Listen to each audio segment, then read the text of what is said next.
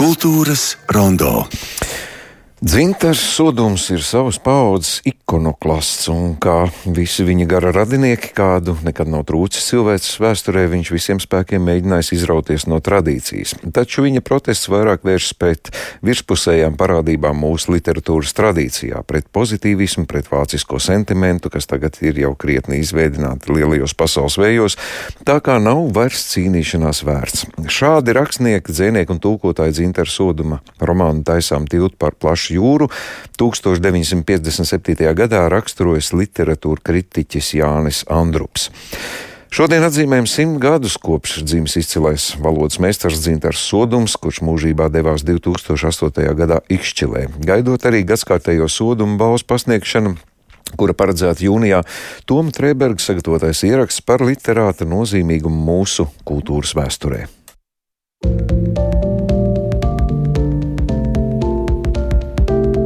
Mana komunikācija bija laulībā latviešu valodā.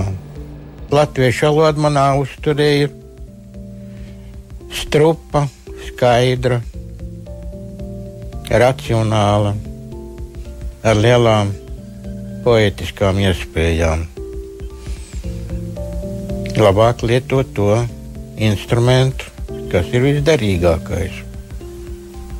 Un to es esmu darījis ja strādā, tas savs dakšs kāds ir tuvāks nekā, nekā blakus strādātāji. Jārīkojas ar saviem darbarīkiem. Citi cilvēki nav darbarīgi. Pašam savu valodu jāzina un savu domu pasauli. Rakstnieka, dzēnieka un tulkotāja Cintara Soduma pirmā publikācija datēta ar 1942. gadu. Johana Wolfganga Gētes dzējoļa atklāsmēšanās atzējojums no vācu valodas žurnāla Latviju mēnešraksts 9. numurā. Gadu vēlāk pirmā oriģināla publikācija Dzējolis Maigums un Spēks publicēts laikrakstā Daugavas vēstnesis 28. februārī. Gan sodumu pazinējiem, gan iepazinējiem pieejami kopotie raksti septiņos sējumos, kurus no 2001. līdz 2008. gadam sastādījusi no Rīgstena. Sodums tulkojas Hermaņa Hesses, Ernesta Hemingveja, Johana Wolfganga Gētes, Džona Steinbeka un Džeimsa Hiltona darbus, un tā ir tikai viena daļa no apjomīgā veikuma. Viszīmīgākais soduma devums, protams, ir 1960. gadā Vesterosā apgādā Ziemeļblāzma iznākušais Džeimsa Džoisa monumentāla darba Ulis pārnesums latviešu valodā. 2012. gadā izdevniecībā Liepnieks un Rītups iznāk vēl viens Džoisa tulkojums Dublinieši. Turpinājumā fragments no Latvijas Rādio 6 naba raidījuma Mēdus un etiķis stāsta literatūras zinātnīca, Latvijas Universitātes humanitāro zinātņu fakultātes profesore Janīna Kursīta Pakule. Līdzīgi vairākiem tajos gados, 20. gados dzimušajiem rakstniekiem, kara laikā viņš bija leģionā kā kara ziņotājs, citiem vārdiem korespondents, kara korespondents. Pēc kara trimdā Zviedrijā, pēc tam ASV. 2006. gadā pārcēlās atpakaļ uz Latviju, dzīvoja rakstnieces Noras Ikstenes mājās. Nora Ikstene stāsta, ka sodums satiksmē ar citiem bijis ļoti vienkāršs, bet arī noslēgts. Ikdienā neko daudz nejokojas, bet viņam patikuši tādi slēptie joki, slēptā ironija. Soduma devums latviešu valodai un kultūrai ir Džeimsa Džoisa Ulisa tulkojums 1960. gadā iznāca. Arī Hermaņa Heses, Narcis un Zelta mute, un vēl citi ārzemju autoru darbi. Par tulkošanas postu un spožumu sodums sacerējis arī ironisku trīs dzējoļu ciklu ar kopnosaukumu Dažas vadlīnijas latviešu jaunākās dzējas attīstībā. Pirmais no dzējoļiem ir ar apakšvirsrakstu 1930. un 40. gadu sākums. Mēs tulkojam, mēs tulkojam. Vienalga, ko vienalga kām krustām, šķērsīnām, ar duci vārnīcām, ar učebņiku iekš lielām fārts, no itaļa, franču, lejas vācu Omar Kihih, Uņa Muņo, Sādi, Tenku Tanks, Eļo, Desert, Šekspīrs, Suņets, Gross, Ziemeļnieks, man tas patīk, es ir triks. Učebņik varētu būt mācību grāmata, kas no krievu valodas, fārts vāciski ceļš, bet angliski purkšķis. Laikam domāti abi. Omar Iespējams, domāts 11. un 12. gadsimta persiešu dzinieks Omārs Haijams, ar kura dzēju lasītāji tik ļoti aizrāvās pirmskara Latvijā. Sādi 13. gadsimta persiešu izcilais rakstnieks, dzinieks Uņamuņo, laikam spāņu rakstnieks Miguels Unamuno tankas, Japāņu dzīslu forma, piecrinde nāca modē 1920. gados, arī dzīslu stilizācijas un arī tulkojumos. Suņets soneti, domāti Šekspīra soneti, Gross ziemeļnieks, lielie ziemeļnieki, droši vien Ibsens, Hamsuns, Lāgerlēva. Triks, gan triksteris, triku meistars, gan visādu krāsu, graužami kraukšķi, saprot, kā gribi. Otrs cikla dzīslis attiecināts uz vēlāka laika posmu, 40. un 50. gadiem. Viņš mani bučoja šā, tas mani bučoja tā, ņemiet par labu lieglaimībā. Trešais noslēdzošais dzīslis ir par 1960. gadiem un sacerēts daļēji ventiņu mēlē. Viņš mani tulkoja tā, viņa mani tulkoja šā, es viņu tulkoju vakar, viņa mani tulkos rīt. Man vārdiņš ir iekšā indeks, es autoru uz biblu kārta, ak, vēl ir kam dzīvāt, vēl ir ko dārt ak, vēl ir kam dzīvot, vēl ir ko darīt. Jau 60. gados dzinieka pašlepnums izaug līdz ar viņa darbu tulkojumiem citās valodās. Mūsdienās, ja tevi netulko, tu neesi vispār, nu, gandrīz vai tā. Soduma dzējā ironija bieži mies ar pašironiju un sarkasmu. Lūk, dzējos ar nosaukumu Idille. Zaķis mina vāverīti vienā istabā ar ķēķi, apguruši kaitējās, vilka vienu smēķi, viņa sukā brūno asti spriež par dzīvi pats, kaktā dūdo skaņu kaste spīd tās zaļā acs. Dūrēm stīgas plinkšķina, kontrabasi rausta, skaņu smeldzē piedzima, melodija lausta. Rakstīcības un mūzikas muzeja fondā glabājas zīmīgs priekšmets - dzintara soduma radioaparāts kura saistību ar dzinieku un tulkotāju raibajām liteņgaitām paskaidro muzeja mākslas eksperte Kristiāna Kusmina. Tā ir viena no spilgtākajām piemiņas lietām viņa kolekcijā, jo ir kā īpašs draudzības simbols starp viņu un viņa ilgadējo uzticības personu no Rīgstenu, pie kuras viņš pavadīja arī savus pēdējos dzīves gadus. Otrā pasaules kara beigās Zintars Sodums nokļuva Zviedrijā, tā uzsākdams savas gaitas ārpus Latvijas robežām, jo 1944. gadā bija dezertējis no Latviešu leģiona. Par pirmo viņa mītnes pilsētu kļuva Gotlande, taču pēc neilga laika viņš pārcēlās uz Stokholmu, kur 1946. gadā mīja gradzenus ar mākslinieci Skaidrīti Kronbergu. Pēc 17 gadiem pāris pārcēlās uz Amerikas Savienotajām valstīm, kur pasaulē nāca abu dēli. Abās mītnes zemēs dzintars sodums veica savu mūža darbu, gādāja, lai latviešu lasītājs savā valodā varētu iepazīt Džeimsa Džoisa romānu Ulises, kā arī rakstīt savus romānus, no kuriem populārākais ir taisām tiltu pār plašu jūru. Tomēr liktenis bija parūpējies, lai dzintara soduma dzīves ceļš vēlreiz vestu uz Latviju. Tas nebūtu bijis iespējams, ja 90. gadu vidū nebūtu uzsākta draudzība ar Norīkstenu.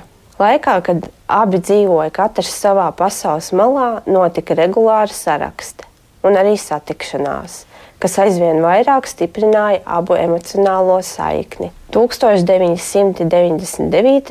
gadā dzintara soduma dzīves biedri Skaidrīt aiziet mūžībā, un līdz pat 2006. gadam, kad Nora nolēma veco vīru vest pie sevis uz Ikšķilas mājām, dzintars sodums dzīvo Amerikā. Rakstniecības un mūzikas muzeja krājumā nodotā abu draugu saraksta atklāja arī vērienīgos pārcelšanās plānus, kur īpaša vieta arī mūsu priekšmetam radio. Drīzumā apgādā dienas grāmata, gaidāms izdevums Dzintars Sodums postscriptum, kurā apkopotas soduma vārdiem kapātas esejas un atzējas, kā arī saraksti ar vēsturnieku Jānu Krēsliņu.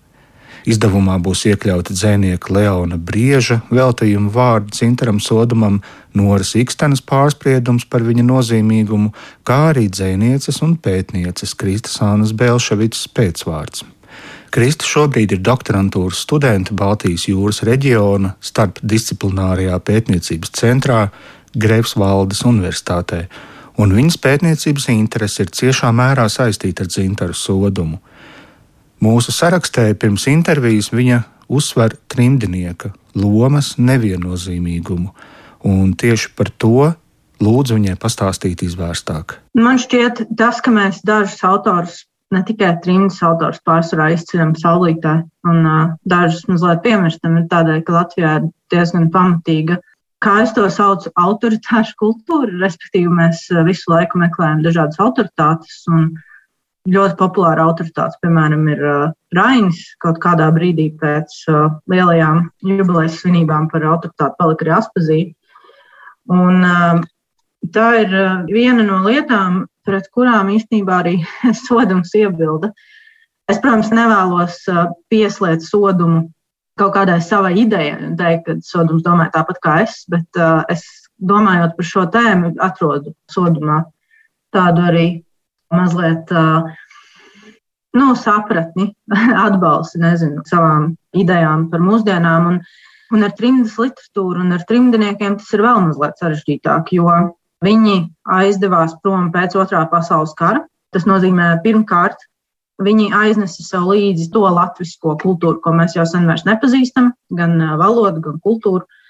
Un no otras puses, viņi viņu attīstīja pilnīgi citādi nu, un iespējams pat kaut kur tik tālāk nekā mēs. No vienas puses viņi šo kultūru attīstīja pilnīgi citādi, bet no otras puses viņi arī kaut kādā ziņā palika tajos pašos uzskatos, kādā Latvijas kultūra bija tajā laikā. Un tas ir ļoti redzams arī, piemēram, to trimdnieku stāstos, kas atgriežas Latvijā 90. gados, tad, kad Latvija atgūst savas valsts tiesības, ka viņi no vienas puses ir saglabājuši kaut kādu latvisko daļu, kas saņem ir pazudusi, un viņiem tas sāp. No otras puses, viņi ir ieguvuši kaut kādu pilnīgi jaunu latvisko daļu, par kuru mēs, tie cilvēki, kas tātad uh, dzīvo un uzturās nu, Latvijas, Eiropas, Latvijas kultūras Eiropas daļā, nemaz nezinām. Mēs, kas esam dzīvojuši pilnīgi citā kultūrā, mēs it kā sajūtam, ka viņi ir mūsējie, bet it kā nesajūtam. Uh, Un tad, ja mēs kādu autoru izceļam vai neizceļam saulītē, nu, pieņemot, ka mēs pārkāpjam arī šo autoritāšu kultūras uh, lietu, ka mēs pasakām, ka viņi ir uh, gana vērtīga autoritāte, ko izcelt saulītē, tad no vienas puses mēs varam cienīt viņu talantu un cienīt viņa idejas, bet no otras puses uh, mūsu tīri personiskā pieredze apgrūtina ar uh, šīm viņu pieredzēm identificēties. Un es tagad domājot par to, jā, interesanti, ka, piemēram, es pieņemu, ka jaunieši, cilvēki, kas izmanto Erasmus stipendijas iespējas, iespējams pat spēj saprast eh, trimdniekus vairāk. Bet no otras puses arī viņi ir izceļojuši no Latvijas brīvprātīgi, lai arī viņi arī ir pārvērtējuši savu identitāti caur citas kultūras prizmu. Tādēļ tas, kā un kādēļ, vai vispār mēs eh, saprotam šos cilvēkus un viņu mākslu. Protams, mākslu var baudīt arī tad, ja tu viņu pilnībā nesaproti, tas īstenībā arī tieši mūs glābi, jo tieši tā ir mūsu vienīgā sasaiste ar šo trimdas latvietību, jo māksla paver šo iespēju arī līdz galam nesaprotot, tomēr sajust un tomēr, tomēr tvert šo kultūru un šo identitāti un, un šīs cilvēku personības.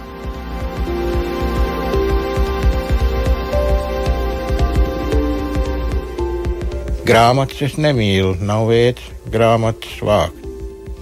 Nav vietas grāmatas turēt mājā, liek putekļi tikai. Ko nevajag, to prom. Bet ko vajag, tas ir jāgādā, par to vietas maksāt. Un par latviešu valodu vienmēr ir vietas maksāt. Te ir mana latviešu valodas darbnīca. Sastāvdaļas, ikdienas piezīmes, mapēs izgriezumi, aploksnēs, dzējas viela.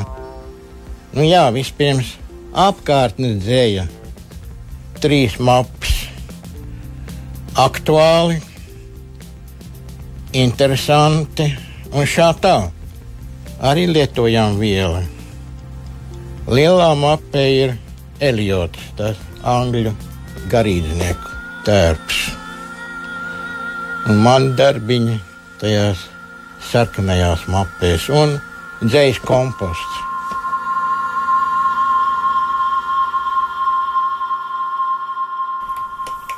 Dzintara soduma balss, kuru dzirdējāt šajā ierakstā, skan režisoras Ināras Kolmanas dokumentālajā pasāžā Pasaules nepasaule, kuru varat noskatīties video vietnē YouTube.